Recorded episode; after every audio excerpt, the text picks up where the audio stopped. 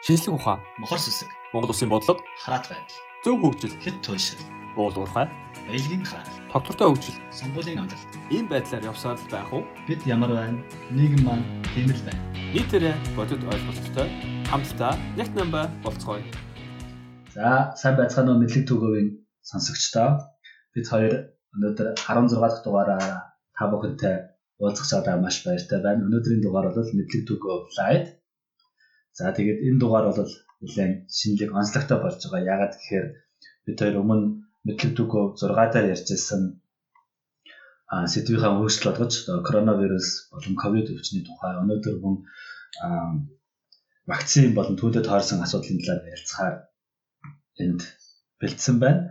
За тэгээд юун төрөнд сайн анхаа. Сайн уу ба. Тэгээд өнөөдөр манайх бас зочинтой байгаа тий. Тий, зочтой танилцуулъя. Өнөөдрийн зочин бол оюун эрдэнэ, хүний ихэмж, тэгээд Кольник сургуулийн докторант.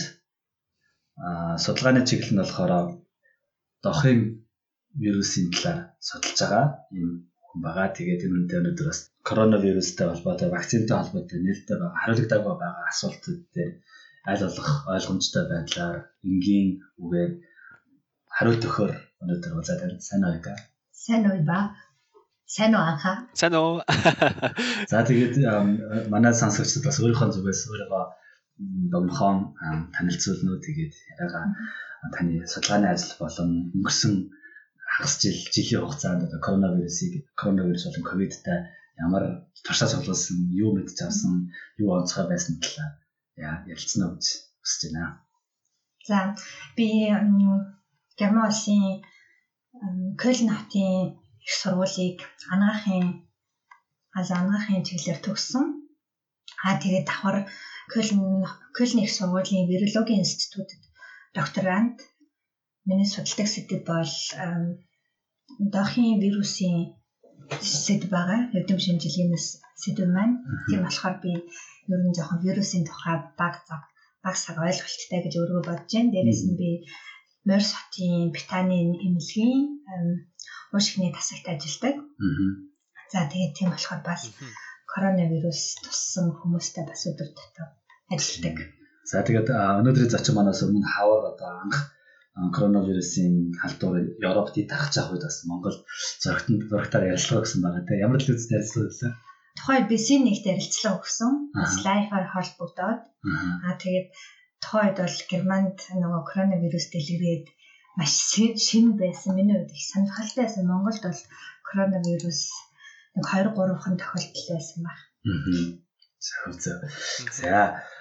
Аа өнөөдрийн бид гурвын сэдв болвол сүүлийн үед манай сонсож сонссон байх Америкт болон Германд, Европын холбоон зөндөө улсууд Англид олон улсуудад вакцин коронавигийн эсрэг вакциныг одоо хүлээн зөвшөөрөөд тариад эхэлсэн байгаа. Тэгэхээр тэрнтэй холбоотой бас шинэ асуултууд тэгээд яагаад те яагаад гэдэг асуултууд бас олон байгаа гэж бодож байна. Тийм учраас өнөөдрийнхөө сэдвийг энэ хүний биеийн дархлаа болон энэ вакцин юм яаж хөгжүүлдэг, ямар үйлчлэгээ үзүүлдэг гэдэг мэтлэн ингээд ярих болно. Мэдлэг дүгөө нэг вакцин нь олон төрлийн аргачлалд суурилсан суурилж одоо олон янз байдаг. Тэр нь бол хүний дархлааны системийн үйл ажиллагаан дээр системийн үйл ажиллагаа дээр одоо суурилан үйлчилдэг байгаа. Тэрийн бидний авч явах мэддэг үг хоёр маань болохоор вакцин үйлдвэрлэж байгаа нь ер нь бол дэлхийд бусад бүтээгдэхүүн бараа үйлдвэрлэж байгаатай адилхан тодорхой хэмжээгээр эрэлт нийлүүлэлтийн зарчимдаар тулгуурсан учраас тэрийг яг олон нийтийн төлөө үнгүү тараах ч юм уу тиймэрхүү тохиолдол ер нь ховор гэдгийг бас хэлхийг хүссэн байгаа. За мэдлэг төгөө 3 нь болохоор одоо өндөр хөгжлийн улсууд бол коронавирусын вакциныг үйлдвэрлэж байгаа компанитай гэрээ хийгээд тухайн улсад авч хэрэгжүүлж байна тийм ээ. Ард иргэдтэй бол тэрийг бол хангаж байна. Харин тийм боломжгүй улсуудад боломж олгох зорилгоор Дэлхийн эрүүл мэндийн байгууллагын дэргэд энэ COVAX гэдэг нэртэй тийм нийгэмлэг байгууллага үүсээд тэнд нь олон улсууд нэгдээд тийм нэгдсэн журмаар коронавирусын эсрэг вакциныг одоо авч ард иргэдтэй одоо зархлаажуулах аян явагдахаар одоо ингэж бэлтгэл ажиллагаа хийгдээд санхүү зохион байгуулалтын хувьд нэлээд өндөр түвшинд очсон байгаа юм байна. За ингээд өнөөдөр бид хоёрын та бүхэнд өгөх мэдлэг төгөөд юм байла. За ингээд ярилцлага одоо зочинтойгоо хүний биеийн дархлааны одоо тогтолцоо ер нь ямар учраас дархлаа ер нь яаж үүсдгийг яагаад бид нэр вакцин төрүүлэх хэрэгтэй гэдгийг яаж үйлчлэх талаар ярина уу гэж хүсэж байна. За дархлааны тухай ярихад хоёр үндсэн ойлголтыг одоо сонсогчд маань тогтоож авахыг би хүсэж байна. А нэгдүгээр өвчин үүсгэгчийн нэг хэсэг болох антиген буюу эсрэг төрөгч.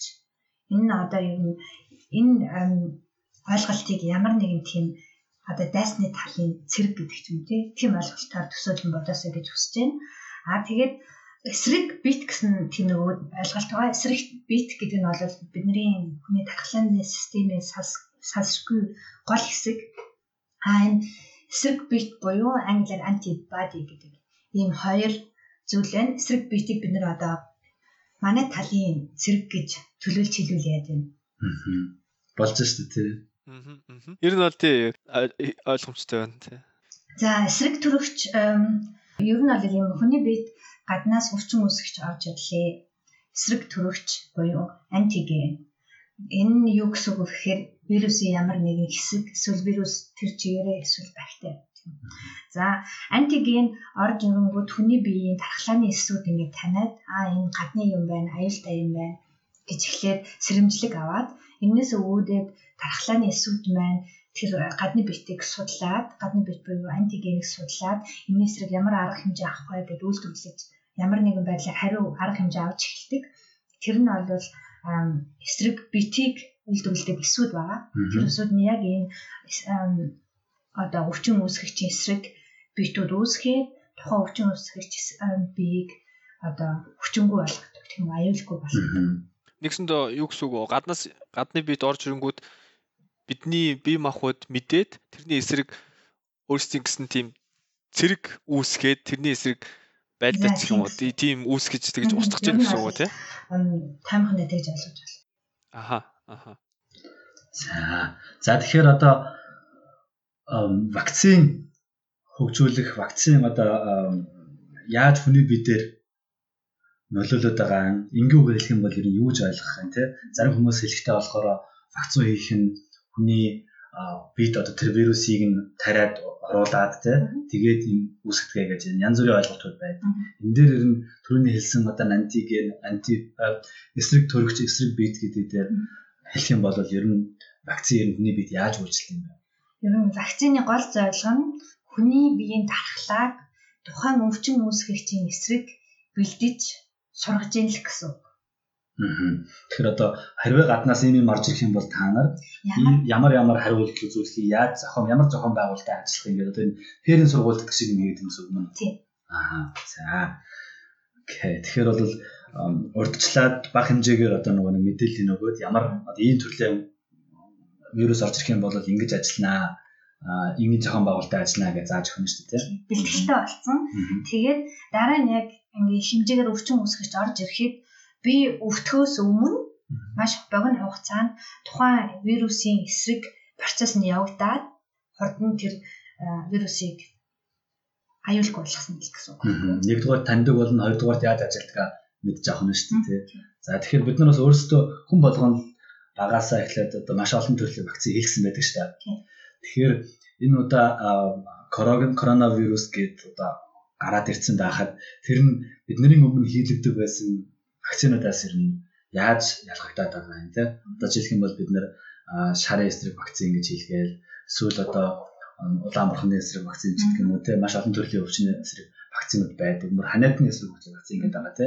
Тэгэхээр тэднээс ер нь юугаар ялгаатай юм бэ? Коронавирусын эсрэг вакцин За ерөнхийдөө вакцин хамгийн классик арга буюу амьгүйжилсэн, идэвхгүйжилсэн вирусны вакцин гэж байна. Тэр нь яадаг вэ гэхээр тухайн вирусыг химийн аргаар өөрчлөөд хүний биед хоргүй болгоод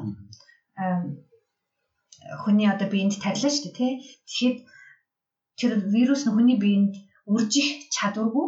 Гэхдээ тэр вирусны эд анги нь байгаа болохоор нөгөө тархлааны систем чинь ажиллаад за энд ийм гадны биеч байна гэх тэрний эсрэг сургалтаа нөгөө тархлаануудын эсүүдтэй явуулж эхэлнэ гэсэн. За дараа нь жинхэнэ амьд хортой вирус орж ирэхэд нөгөө хариу арга хэмжээ нь хурдан болохоор хүн өвдөхгүй.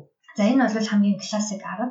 Энэ арга дээр хятадууд хвчлэн ажиллаж байгаа. За амьгүйжүүлсэн, идэвхгүйжүүлсэн вирусны вакцин. За дараа нь Вектор дээр суурилсан вакцин гэж байна. Вектор гэдэг нь бид нар одоо ямар нэгэн тээврийн хэрэгсэл гэж ойлгож болно. Эсвэл грекийн модон морь гэж ойлгож болно. За энэ вектор нь болохоор бас нэг вирус, жишээлбэл ханиадны вирус. Хүний бид ямар ч аюулгүй хүнд хор болохгүй вирус.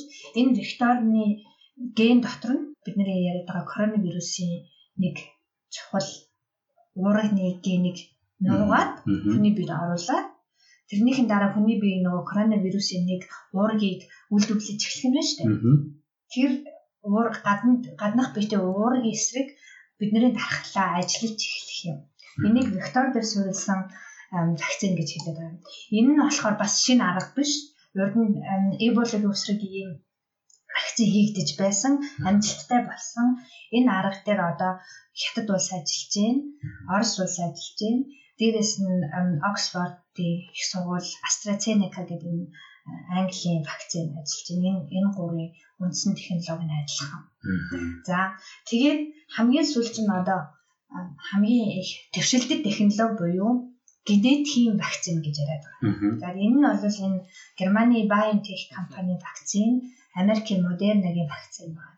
За генетик дээр суурилсан вакцин гэж юу хэлдэг юм бэ гэхээр энэ вакцин одоо хүний эсийн цөмөнд бид нар ярьдаг удамшлын мэдээлэл хадагддаг ДНХ гэж ДНХ гэж байна юм уу. За тэр удамшлын мэдээллээс хуулбар аваад хүний бид хэрэгтэй уургийг үйлдвэрлэхийн тулд ажилдаг нэг систем байна. Тэг мэдээлэл авдаг. Тэрийг одоо мэдээллийн RNA гэж англиар messenger RNA мэдээллийн RNA. За энэ binding мэдээлэгч гэсэн үг. Тийм мэдээлэгч. Мэдээлэл кодыг хүний гений кодыг нэг газараас нөгөө тийш навчиж өгч яадаг гэсэн үг. Байна.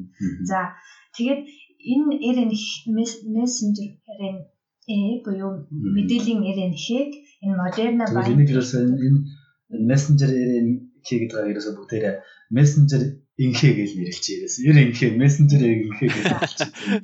Messenger инхээ. Аа. За тэгээд энэ одоо хүмүүс их яагаад аа л да.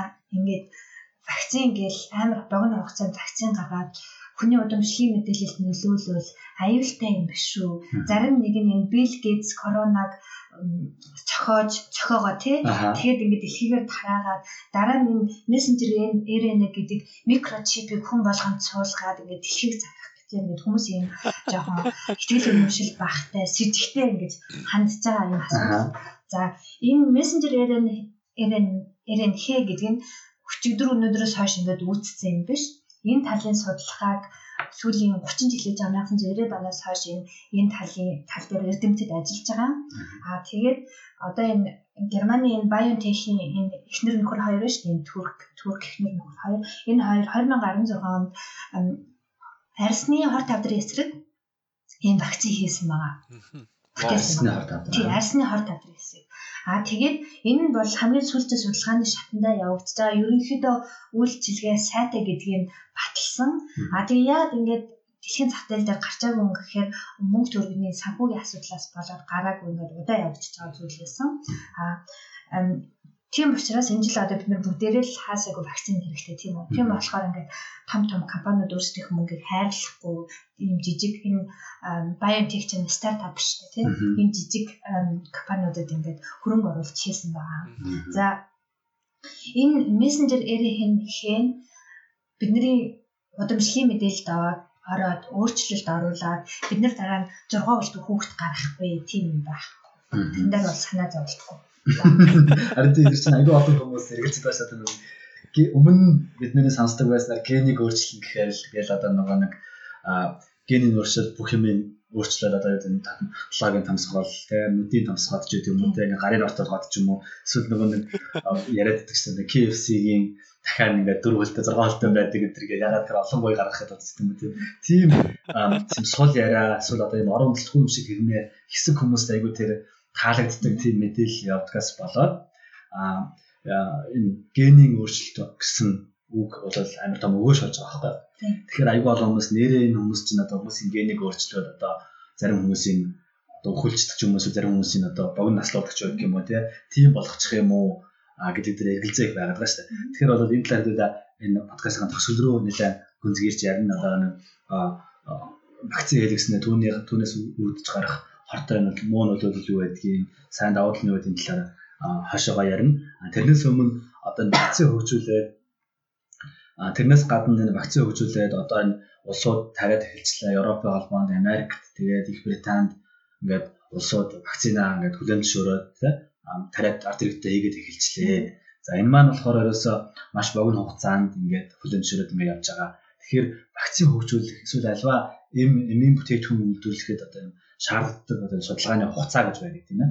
Тэгэхээр тэр хугацаа энэ коронавигийн вирус дээр харьцангуй богино байгааг бол хүн болгон харж байгаа. За тэгэхээр энэтэй холбоотой энэ энэ хөгжүүлэхэд ер нь ямар хугацаа байдаг талаар та яг ингээд юуных нь үе шаттайгаар жоохон тодорхойлно. За ер нь бол ямарваа им тариа эсвэл вакциныг ингээд зах зээл дээр гаргаж тий хүн дээр ашиглахын тулд тодорхой үе шаттай судалгаа явуулдаг. За клиникийн өмнөх үе шат гэж байдаг. Клиникийн өмнөх үе шатн дээр вакциныг амьтан дээр тий эсвэл эсийн өсгөр дээр туршиж үздэг. Ер нь хортой байна уу, хөнөөлтэй байна уу, удамшилт нөлөөлж байна уу гэдэг тийм үү. За дараа нь нэгдүгээр үе шат гэж байна. Нэгдүгээр үе шатад хүн дээр нөгөө вакцинаа туршиж үзнэ. Хүнд ямар нэг гаж нөлөө гаргаж байна. Энэ хүн ер нь энэ вакциныг хүлээж авч чадчихэв. За дараа нь хоёрдугаар үе шатанд нь тун уучлаарай нэг тэр нэг клиникийн өмнөх шатан дээр амтан дээр туршиж гэсэн. Тэгэхээр чинь нөгөө лабораториудад байдаг янз бүрийн хулгайн туулаа тийм амтнуудад туршдаг баг тийм хархан дээр бас туршдаг байх. Тэгэхээр бол а хархан дээр туршиж юм уу? Аа би зүгээр гэж бодсон тэрийг. Аа яагаад энэ хархан дээр туршдаг юм бол харах хүн аяг төстэй байд юм уу? мэдгүй. Гоё асуулт. Эсвэл харахад нөгөө болгоны бодвол илүү нөгөө амьд үлдэх чадвар сайтай байх. Аа. Хүн шиг зүйл байна шүү дээ. Хүн шиг ч юм уу юм уу мэдгүй л дээ. Тэг ямар ч хэлсэн би бас анх ирээд энд эмч найзантай болоод тэр талаас үзэх эмнэлгүүд судалгааны хийдэг газар ямар их судалгааны зорилттой амтан байдгийг тэгэхээр бас их сонирхолтой юм байж бас тэгэхээр бас амтан дээр бол туршиж үздэг байгаа юм байна. Тийм. За тэгээд хоёрдугаар нөгөөх нь юу гэсэн бэ тэр үү? Эсийн өсгөр гэсэн. Буруу ойлгоогүй. Эсийн өсгөр гэдэг нь яг энгийн хүний өгөөр юу гэсэн үг гэдэг нь надад энгийн хүний үгээр хүний биенээс ямарваа нэгэн эсийг аваад хүний биеэс гадуур энэ гэх нэг германаар бол петришал гэдэг чинь тийм ийм нэг ийм юун дээр одоо нэг юу гэж савнд нэг савнд те? Нэг савнд хүний биенээс гадуур эсвэл нэг шингийн юмд үржүүлдэг байхгүй юу? Хуруу шилэн гэсэн юм уу? Тий одоо тэгж болж байна. Хуруу шилэнд ямар нэгэн байдлаар эсийг хүний биенээс гадна тусдаа өсөхийг хэлж байгаа байхгүй шууд химлэр ингэж одоо өсгөн үйлжүүлэхийг хэлж байгаа юм шүү дээ тий. Аа. Аа зөв зөв зөв. За тэгэхээр энэ маань бол энэ үе шатуудын хамгийн ихний хэсэг байна шүү дээ. За хоёрдугаар хэсэг нь болохоор нэгдүгээр фаз одоо клиникийн нэгдүгээр шат гэдэг байна шүү дээ. Тэгэхээр клиникийн нэгдүгээр шат нь болохоор хүний биед ямар бэ? Хамгийн анхны хүний биедээ хийж байгаа шат гэсэн үг баг тий. Тэгэхээр тэрэн дээр одоо яг юуг нь мэдж авдаг юм одоо хүн уух хэвээр мó тарих хэвээр мó эсвэл яах хэвээр гэдгийг мэддэг юм уу эсвэл ямар байдлаар ярина ихний үе шат явагдав тийм. Хүн дөрн энэ вакциныг хийвэл ямар үйл ажиллагаа гарч ийн? Генет ингээд тий аллерги өгөөд амь насанд нь аюултай байна уу? Эсвэл одоо яаж юм тий генет халуурч гин үү тий маш хүнд халуурч гин үү гэдэг юм уу тий тэр бүхнийг судалдаг байна. Тэгэхээр ингээд баг багаар өгөөд тэгээ ихсгээд одоо хамгийн тохиомжтой гэдэг болдог гэсэн үг тийм. Одоо баг багаар өгвөл хэрэг тийм баг багаар өгвөл ингээд яаж хэрэгт эсвэрх нь үү тийм тэгжил одоо судалдаг гэсэн үг. Хамгийн гол нь тухайн бодис хүний биед ороод хэдэн цаг болж जैन цусны хэр удаан байна яаж ялгаруулж гарч ийн те цөсөөр нь ялгаруулж гарч ийн үү бөөрөөр нь ялгаруулж гарч ийн үү илгээр нь ялгаруулж гарч ийн үү тэр бүхнийг судалдаг. За тэгэхээр бас энд бас нэг сонирхолтой зүйл нь болохоор альва хүний бие рүү орсон одоо бодис ч гэдэг юм уу альва нэг тийм орж орж байгаа зүйл буцаад нэг байдал ямар нэг байдлаар гардаг байгаа тийм. Тэр нь болохоор хүний нөгөө биологийн одоо нөгөө нэг хагас солилцоо буюу нэг орсон бодис ямар хугацааны дараа бүр бүс гараа авчихгүй дээ. Тэгэхээр ямар хугацааны дараа тэр орсон бодисын тал нь байна вэ? Нөгөө нэг хагас задралын хөл гэж байдагтай адилхан хүний биологийн хагас задрал гэж байдаг гэсэн. Тэгэхээр одоо тэр эм ч юм уу вакциныг одоо эм бодож үзэлээ эм хийх юм бол тодорхой хугацааны дараа нөгөө нэг эмийн анх 100 100% та 100 байсан бол хизээ 50% бай үлдэх юм бэ гэдгийг тодорхойлдог тийм хугацаа байдаг тийм. Тэгэхээр бас хүний бие аливаа бодис ороод ямар хугацааны дараа биес гадагшилж байгаа юм бэ? Хаагур гадагшилж байгаа юм бэ? Судсаар юм уу? Хөлсөөр юм уу? Шээсээр юм уу? Баасаар юм уу? Тийм. Тэрүүгээр хаагур гарч байгааг бас судалдаг байгаа тийм. Тэгэхээр бас энэ бас сонирхолтой зүйл байж байгаа. Тэрнээс хамаарат нөгөө хэр удаан нэг биенээс гарах вэ. Хамгийн урдан гардаг нь аль шумаа гарах хамгийн урдан гардаг.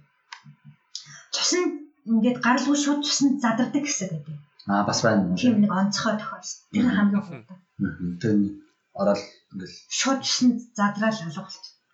Тийм шимэгдээд олон жижигхэн молекул дуваадаа. Би яг ингээд шинээс бодох нь пи ухаар шээсрүүд тэмч шээсэр орсон юм хамгийн урдан гардаг юм гэж бодлоо. Шээсэр ч удаг штэ.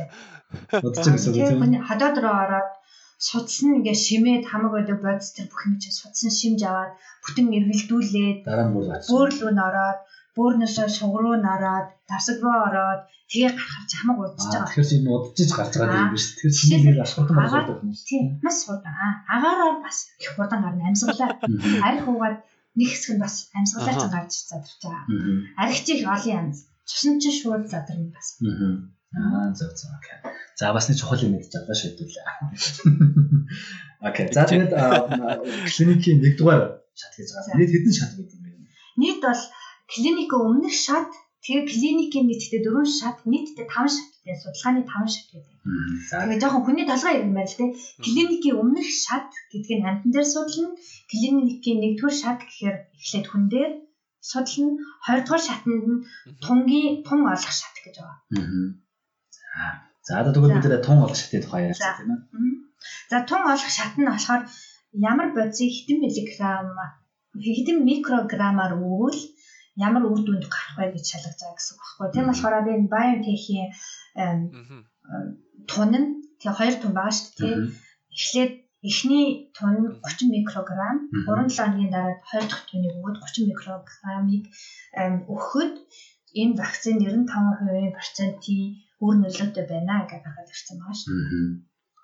А тэр нь болохоор энэ хоёр дахь шатн байсан юм байна шүү дээ тий. Тэр дээр тунгаа сарын өмнө тэр тухай ярьсан шүү дээ. Одоо BioNTech-ийн энэ вакцин нь 95%-ийн хувьтай хамгаалж байна гэж тэгсэн тий. Тэгэхээр бол энэ хоёр дахь шатны судалгаа аяг дуусаад үр дүнгээ хоёр тэр 95% гэдэг чинь бол яг нь ер нь бол ерөнхийдөө бүх судалгаараа нийлүүлээд хамгийн 3 дахь шатны үр дүнгээрээ гаргаж байгаа. А 3 дугаар шатнд гаргаж байгаа. Аа зөв. Зүгээр эхлээд тэр тун олох замдаа л тий. Ингүүл илүү сайн байна. Тэгвэл ингүүл сайн байна гэж явж байгаа. Аа зөв. Аа тэгвэл би түрүү буруу мэдээлэлсэн юм шиг. За гэхдээ энэ нөгөө нэг бид нэр одоо хийж байгаа юм их онцлогтой тий. Би одоо баян техтер жишээ аваад ярьсан ч гэсэн урд нь бол юм ингээд нөгөө нэг шугамг хэмжээтэй явдаг гэсэн байхгүй. Ар араасаа тий. Ар араасаа тий. Эхлээд клиник өмнөх шат, нэгдүгээр шат, хоёрдугаар шат, гуравдугаар шат, дөрөвдүгээр шат гэдэг ар араасаа явдаг гэсэн бол энэ жил бүх юм зэрэгцүүл яваад гэсэн байхгүй. За клиник өмнөх шатаа ээжлээ амтан дээр туршлаа, аюулгүй байна. Дараа нь нэг хідэн цөөн сайн дурын хүмүүстэй туршлаа, бас аюулгүй байна. Тэнгүүд л 2 дахь 3 дахь шатнуудаа зэрэг зэрэг явуулсан. Тэгэхээр нэг судалгааны ажил бүрэн дуусаад дуусаад байх дараагийн гол үр дүн гарчаад тэрийг мэдчихээрээ дараагийн ажлаа шууд эхлүүлчих цаг өмнөх нь бол тийм. Ерөнхий чиг нь гарах. За хоёрдугаар шатнаар тунгийн шат тийм үү. За тунгоо олчлаа. Тэнгүүд гуравдугаар шат нь яг жинхэнэ олон оролцогчтой тий BioNTech-ийн судалгаа бол 40 мянган оролцогчтой. А тэгээ энэ онцлог юу вэ гэхээр энэ судалгаанд оролцогчтой 20 хувааж нь 20 20 мянгаар нь вакцины 3 дугаар шатн тий 3 дугаар шат 3 дугаар шатны тухай ярьж байгаа шүү. За вакцины групп тэр 20 мянган хүний вакцины групп 20 мянган хүний плацебо гэдэг группт оруулж. За Плацебо гэж юу гэсэн үг юм гэхээр вакцины бодис нь байхгүй давстай ус гэсэн үг. Тэгэхээр 20 мянган хүн вакцин авахгүй нөгөө 20 мянган хүн вакцин авч байгаа. Тэгээд энэ хоёр группыг харьцуулчих байгаа байхгүй. За энэ хоёр группийг нь яах вэ? Тэгэхээр бол нэгэнд нь үйлчлэгээтэй вакцин хийгээд нэгэнд нь үйлшүүхэ вакцин хийлээ гэсэн санаа байна шүү дээ. Тэгснээр нөгөө хоёр группийнхаа хүмүүсийг хоёр бүлгийнхээ хүмүүсийг хооронд харьцуулаад за одоо энэ юу авсан хүнд вакцин хийсэн хүнд одоо ямар өөрчлөлт гарч ийнө үү? Вакцин хийгээгүй хүнд ямар өөрчлөлт гарч ийнө гэдгийг хянаад хараад яваад байна шүү дээ. Хамгийн гол нь вакцин хийсэн группийн хүмүүс нь корона өвчин тусч гин үү? Плацебо хийсэн хүмүүсийн группийн хүмүүс нь корона тусч гин үү гэж ингээ харьцуулж харж байна. Аа, тэрүүгээр нөгөө хэдэн хувийн үйлчлэлтэй байгаа тодорхойлдог байна шүү дээ. Тийм. За энэ дээр би корона тусч гин үү гэдгийг за yes корона тусч гин үү гэж гэж Тийм, ер нь аль чи? Одоо юм буруу баггүй. ойлгов. За 20 20 мянган хүмүүсийн ингээд а, 20 мянгад нь вакцины өгчлөө 20 мянгад нь плацебо өгчлөө тийм үү. Тэд тэр хүмүүс чинь ингээд лабораторийн харах шиг нэг гадар байранд хориотой байхгүй шүү дээ. Ингээд гараа зүгээр нормал амьдарч байгаа шүү. Тэгээд ингээд янз бүрийн асуудал гараад ингээд бүртгэе яваад байгаа байхгүй. Буцаад яриад асуу тийм. За нэгдүгээр доосны дараа за танд ямар өөрчлөлт гарав өвдвөө хавдвөө тий Халуурсан уу, даарсан уу? даасан тий. Тэгээд бүр ямар нэгэн байдал гараад эмнэлэгт очих шалтгаан гарав уу, эмнэлэгт очоо тий корона тусан байна уу гэж шалгуулад негатив гарав уу, позитив гарав уу ингээ харна шүү дээ тийм үү. За тэгээд дараа нь хоёр дахь дуусаараа хийж дахиад шалгаад харж аваад би жишээ яриа тийм үү. Эхний тунгаа хийлээ 30 микрограмм тий хоёр багтаа. Нэг нь плацебо нөгөөх нь вакцин. Тэгэнгүүтлээ хүмүүсээ ингээд судалсан байгаа аахгүй юу?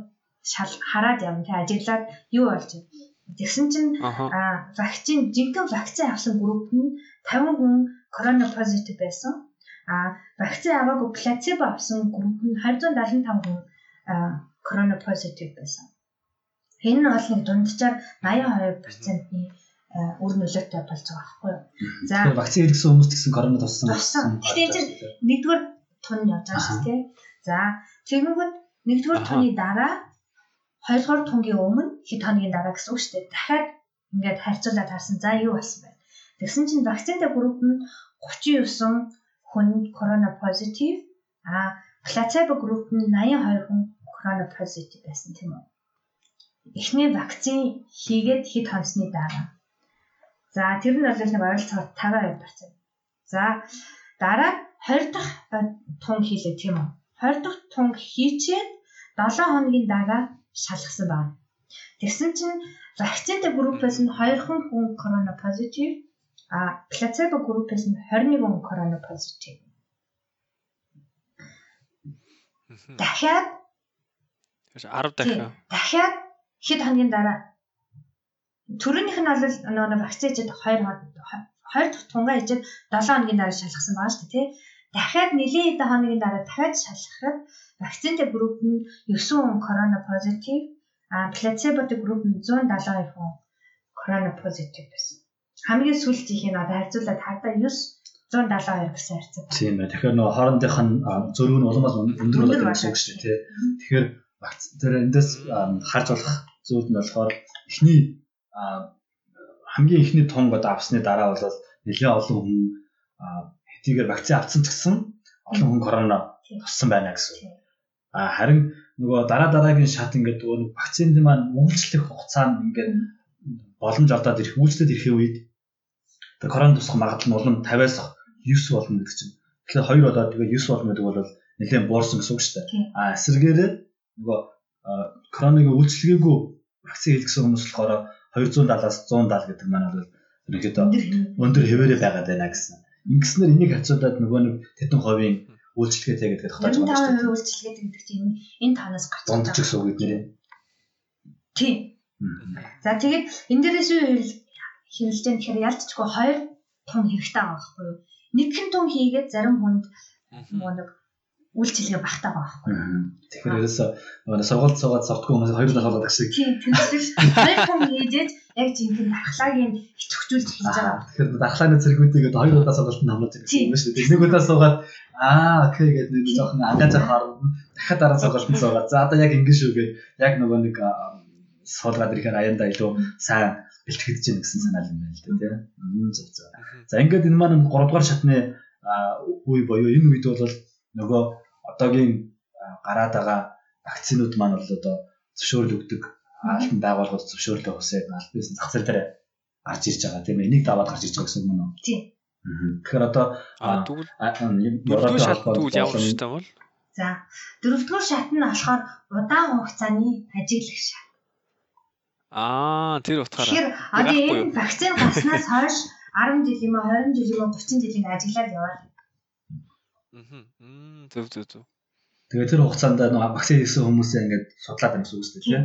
Тэгэхээр одоо надад нэг тодорхойгүй юм ингээд гэх одоо тэр вакцин хийлгөөгүй ч гэсэн хүнчлэр хүмүүс чинь суур өвчтөө яг хоёр одоо а хос тийм адилхан хүмүүс байхгүй шүү дээ. Их юм шиг адилхан хүмүүс байхгүй шүү дээ. Хүн бол өөр өөрсдийн гэсэн өмнөх түүхтэй, эрүүл мэндийн түүхтэй.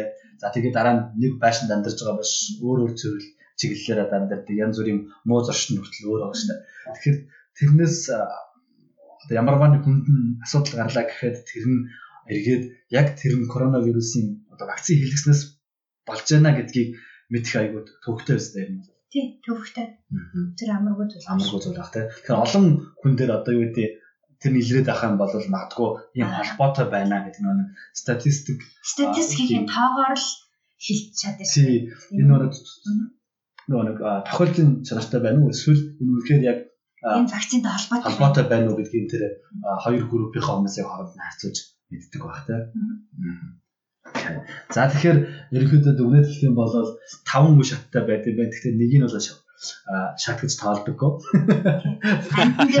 Тэгээ тэр нь амтан дээр судалдаг. Тэр нь болохоор энэ клиникийн өмнөх үегээд хаваачдаг юм байна. Тэгээ тэрний дараа болохоор дөрвөн үе шат байдаг.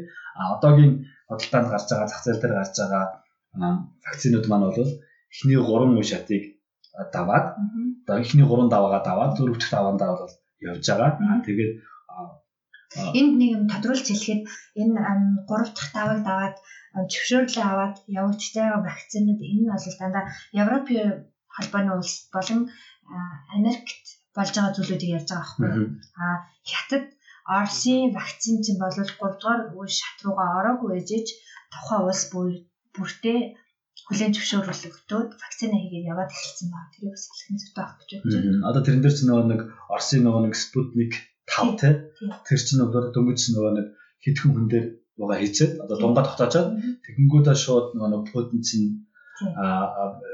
зарлаад те манайх ингээд вакцин гаргаад авчлаа. Тэгтээ бол тэр олон мянган хүн дээр судалгаа хийгээгүй байсан гэсэн юм шүү дээ. Тэгэхээр тэр олон мянган хүн гэдгийг хэдэн хүн дээр дор хаяж хийсэн байх хэвээр юм гэсэн тийм хамгийн хэдэн хүн гэсэн тооц байдаг юм. Тийм ба тоо бол байхгүй. Мэдээж олон хүн хийх тусмал олон хүн дээр хийх тусмал сайн. Одоо энэ BioNTech гэхэл өөрийн гэсэн нэг тийм стандарт гаргацсан. өөрхөн компани стандарт гэж. Үгүй одоо ингээд ерөнхийдөө тийм дэлхийн нийтийн нэг жоохон жишг тогтоож байгаа байхгүй BioNTech те. Мгм. Манайх 95%-ийн хувийн өөр нөлөөтэй вакцин бид нэр 40 мянган хүн дээр судалгаагаа хийсэн ингээл нүүр бадам гаргаад ирэхэр чинь бусад улс орнууд энэ жишг жоохон дах хичээнэ үстэй. А Оросын холбооны улс бол адены вирусээр суульсан вакцины үйлдвэрлэж байгаа. А тэгээд миний бодлоор Оросын Оросын холбооны улсын вакцин ч юм уу, Хятад улсын вакцин ч юм уу, Европын вакцин ч юм уу, Английн вакцин ч юм уу, Америкийн вакцин ч юм уу, тэр нь муу энэ сайн гэж би бол хэлж чадахгүй. Би Оросын вакциныг дээ. гай сайн ч байж болно шүү. Тий. Тийм болохоор тэнийг юм муу юм хийгээд энэ чадахгүй байх гэж хэлэх бид нар тэрх байна. Тэгэхээр одоогийн байгаа биднэрт алдж байгаа мэдээлэлтэй болохоор тэр а 3 дугаар шатных нь хийгдэггүй байна л гэдэг мэдээлэл байгаа шүү. Тэрнээс бол Оросод өөрсдөө хийгээд байгаа мó яг хийхгүй байгаа мó бид нэр сайн мэдэхгүй байгаа юм шүү. Тэгэхээр олон улсын одоо сэтгүүлүүдтэй хэвлэгдсэн олон улстай холбогдсон тэр мэдээллүүдээр тэр 3 дугаар шатны үе шатыг ингэж хийсэн нь байхгүй л байгаа байна тийм. Тий. тэр нь бол байхгүй байгаа нь хийдэггүй гэсэн үг биш хийдэггүй биш нөгөө нэг тэр Үр дүнгээ 3 дугаар шатны 3 дугаар шатныхаа судалгааг эхэлсэн. Аа тэгээд одоо нэг 20 мянга 21 оны 8 сарын үед ч юм уу дуусахаар төлөвлөсөн. Тиймэрхүү шатны үе судалгаа нь явагдаж байгаа. Хятад улсад ч тэр их олон вакцинууд нь эх оны 100 дуусах төлөвтэй дандаа 3 дугаар шатнд яв- явагдаж байгаа. Гэхдээ 3 дугаар шатных нь хариу гараагүй байхад тус бүр улстай зөвшөөрсөн байна. Мгм. Окей. За тэгэхээр энэтэй холбоотой бас нэг асуулт гарч ирж байна. Ер нь вакцин төлөхгүй юм яг энэ салбарын хүний хувьд та мэдж байгаа аль нэг шатыг давчих юм бол ерөөдөө гайгүй болчлаа гэдэг нэг тийм юм харагдаж тийм. Мгм. Тэгэхээр одоо юу гэдэг замынхаа одоо 30% ч юм уу ингээд одоо за энэ клиникийн 2 дугаар биштэй давчих юм бол ер нь бол 3 4-д авах бол угаасаа их амархан байдгаа гэдэг нэг тийм баримжаа үүссэн байж магадгүй да олон жилийн дунджаар тийм. Тэгэхээр тийм юм байна уу? Коронавирусын вакциныг юм. За энэ эхнийхэн хоёр шатыг авсан бол ер нь бол боломж юм байна. Одоо нөгөө нэг энэ германууд яриад байгаа шүү дээ. Энэ их өндөр магадлалтай ирээдүйтэй гэж яриад байгаа тийм. Тэгэхээр тэрийг ямар шатах шин ер нь бол 20 дугаар үе шатад даваад 3 дугаар үе шат ер нь бол баталгаажуулах шатахгүй. Тэгэхээр ойлгож байна. Үр дүнгээ баталгаажуулах шат тийм үү. 2 дугаар ерөнхийдөө эхний үе шатуудаас ингээ хараад тий нэг онлын хувьд ойлгочихчих чи яаж үйлчлээд энэ ямар шоухан байна тий магадлал нь өндөр байна уу гэд тэгэнгүүт л одоо энэ BioNTech дээр 20 дугаар үе шатандаа явж байхдаа вакцины үйлдвэрлэлд эхэлсэн байна. Тийм учраас одоо яг 3 дугаар шатны үр дүн гармагц шууд гармагц шууд зах зээл дээр вакцины нэмэгдэж байгаа. Тэгэхээр бол энэ анханасаа боيو одоо ер нь бол нэлээд өндөр өөрсдийнхөө хувьд бол дотооддоо бол өөртөө ихтэй байна гэсэн үг байна шүү дээ. Тэгэхээр манай нэгсэн вакцин ер нь бол тодорхой хэмжээний эрсдэлтэй тэгтээ одоо эрсдэлтэй болохоор хэрвээ 3 дугаар шатн дээр асуудал гарах юм бол тэр бүгдийг хаяг гэсэн үг шүү дээ. Харин сайн болох юм бол шууд одоо зах зээл дээр нийлүүлэх болно. Тэгэхээр нэг бэкап буюу нөөц хувь хүн хэрвээ одоо жишээлх юм бол яг хувь зүгээр одоо юм корона биш тохиолдолд хүн хязгаарч тэгж 3 дахь шатад аваагүй байж тэрийг хийхээр үйлдвэрлэхгүй байх те. Энэ удаа болохоор яалтчгүй корона маш олон улсад ингэ тулцсан асуудал байгаа учраас эрсдэл гаргаад одоо нэг эрсдэлтэй хөрөнгө оруулалт гэдэгтэй адилхан эрсдэлтэй хөрөнгө оруулалт хийгээд нэг коронавирусынхаа вакциныг 3 дахь шатныхаа үе шатыг явж явах үед нь үйлдвэрлэж эхэлсэн байгаа нь шүү дээ. Тийм учраас маш хурдтай одоо нэг зах зээл дээр 3 дахь шатны үе шатнд дууссан багц шүү зах зээл дээр гарах боломж бүрдэж байна гэж ойлгож болж байна. За. Иймэрхүү дөрвөн буюу дөрв буюу дөрөвдөө нэмэх нь нэг буюу таван шаттай байна. За. Тэрийг одоо бүгдээрээ ойлгоцлоо. Тэгэхээр 5 дугаар буюу одоо клиникийн дөрөвдүгээр шатн гэдэг нь болохоор ерөнхийдөө урт хугацааны одоо танзан судлах, тэрний дараагийн одоо нөлөө мөлөө тиймэрхүү зүйлүүдийг судалт юм байна. Окей. За одоо надад дахиад өөр нэг асуулт байгаа нь болохоор хүмүүсийн дотор одоо нэг 40 мянган хүн дотор чинь янз бүрийн хүмүүс байх хэрэгтэй тийм. Жишээлх юм бол өндөр настай юу гэдэг эрэгтэй эмэгтэй за магадгүй өргөн бүдүүн ингээд янз бүрийн хүмүүс байх хэрэгтэй тийм. Тэрнийг одоо бас ингэж оруулж сонгодог уу яаж хийдэг вэ тэрийг? Тэр хүмүүс 40 мянган хүмүүсийг яаж сонгосон байх вэ? 40 мянган хүмүүсийг энэ чинь нэг сайн дурын судалгаа шүү дээ. Тэгээ хүмүүс ингээд өөрөө сайн дураараа очиад За манайх юм судалгаа авнаа, дараах хүмүүсийг авнаа гэх юм уу те. Насан турш байх хэвээр те. Яг одоо ингээд жишээлбэл хитрхи дархлаа нь маш муу те. Маш хүнд өвчтөө нэг үл авч чадахгүй шүү те. А бусдаар бол бусад бүх хүмүүс нээлттэй. Тэр үйл одоо ужиг ууш хийний өвчтөй хүнийг судалгаанд оруулсан, чихрийн шидэнтэй хүмүүсийг судалгаанд оруулсан, юу илүүдэл жинтэй хүмүүсийг судалгаанд оруулсан, настай хүмүүсийг бас судалгаанд оруулсан. Аа. А тэгэхээр бол тэр судалгаанд орж ирэх саналаараа орж байгаа хүмүүсийг бол урдчилсан тийм юунд оруулахгүй хана штэ. Тийм байх хэрэгтэй гэж шаардлага тавихгүй хана штэ тийм үү? Нэг ямар нэгэн хэмжээгээр нэг юм заана та тийм босго тавих заана. Гэхдээ ерөнхийдөө олон талтай тийм тэр судалгаанд оролцож байгаа хүмүүс нь олон талтай хүмүүс. Одоо жишээлх юм бол дархлаа нугасаа их муу хүн байх юм бол тэрнийг оруулахгүй гэж шүү дээ тийм.